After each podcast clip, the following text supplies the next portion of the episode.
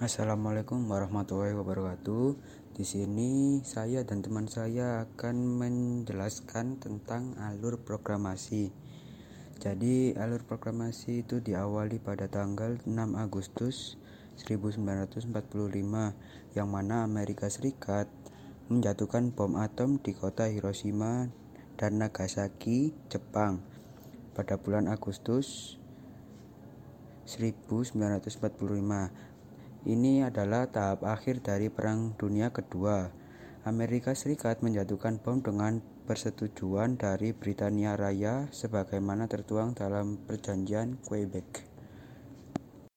Pada tanggal 7 Agustus 1945, Badan Penyidik Usaha-usaha Persiapan Kemerdekaan Indonesia atau yang disingkat BPUPKI dibubarkan karena dianggap telah dapat menyelesaikan tugasnya dengan baik yaitu menyusun rancangan undang-undang dasar bagi negara Indonesia merdeka dan digantikan dengan dibentuknya Panitia Persiapan Kemerdekaan Indonesia atau PPKI atau dalam bahasa Jepang Dokuritsu Junbi Inkai dengan Insinyur Soekarno sebagai ketuanya.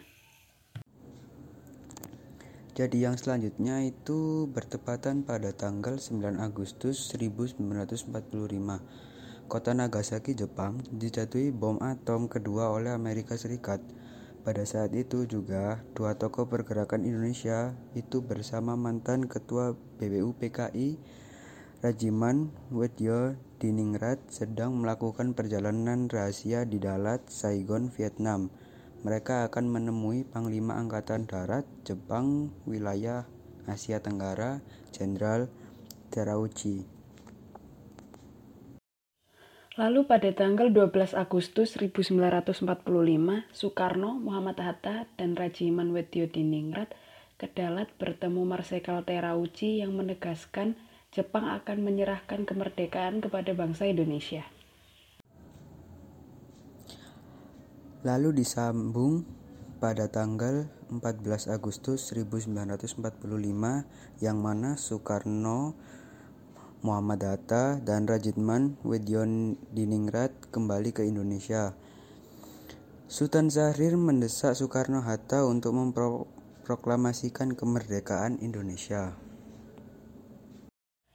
Lalu pada tanggal 15 Agustus 1945, Jepang menyerah tanpa syarat ke sekutu dan terjadi kekosongan kekuasaan atau disebut vacuum of power di Indonesia.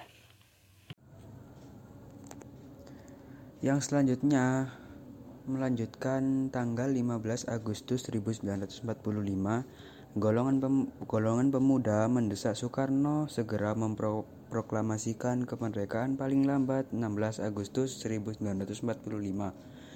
Soekarno menolak karena ingin meminta pendapat para PPKI. Dilanjutkan pada tanggal 16 Agustus 1945 dini hari, Soekarno dan Muhammad Hatta diculik oleh golongan muda ke Rengas Dengklok, Karawang dan dipaksa segera memproklamasikan kemerdekaan Indonesia melalui radio. Dan juga masih bertepatan tanggal 16 Agustus 1945, pada malamnya Soekarno dan Muhammad Hatta kembali ke Jakarta di rumah Laksamana Maida Tadashi, para tokoh nasional berkumpul untuk berunding tentang persiapan proklamasi kemerdekaan Republik Indonesia. Selain itu pada tanggal 16 Agustus 1945 sampai dengan 17 Agustus 1945 malam hingga pagi Soekarno dan Muhammad Hatta bersama golongan muda dan golongan tua membahas perumusan naskah proklamasi kemerdekaan Indonesia. Dan hari yang ditunggu-tunggu pada tanggal 17 Agustus 1945. Pada jam 10 pagi, Soekarno dan Muhammad Hatta membacakan teks naskah proklamasi kemerdekaan Republik Indonesia di Jalan Pagangsaan Timur nomor 56. Pada tanggal 18 Agustus 1945, Sidang PPKI membuat sebuah keputusan penting terkait negara Indonesia, yaitu yang pertama, mengesahkan dan menetapkan Undang-Undang Dasar Republik Indonesia yang telah dipersiapkan oleh Dokurijo Junbiko Sakai atau BPUPKI, yang kemudian dikenal dengan Undang-Undang Dasar 1945. Lalu yang kedua, memilih Insinyur Soekarno sebagai presiden dan Muhammad Hatta sebagai wakil presiden Pemilihan presiden wakil presiden dilakukan secara aklamasi atas usul dari Otto Iskandar Dinata.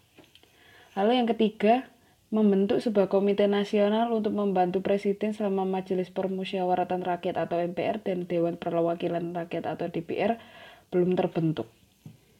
Dan itulah pembahasan singkat dari kami berdua tentang alur proklamasi. Semoga bisa menjadi bermanfaat bagi ke depan-kedepannya. Kurang lebihnya mohon maaf. Wassalamualaikum warahmatullahi wabarakatuh.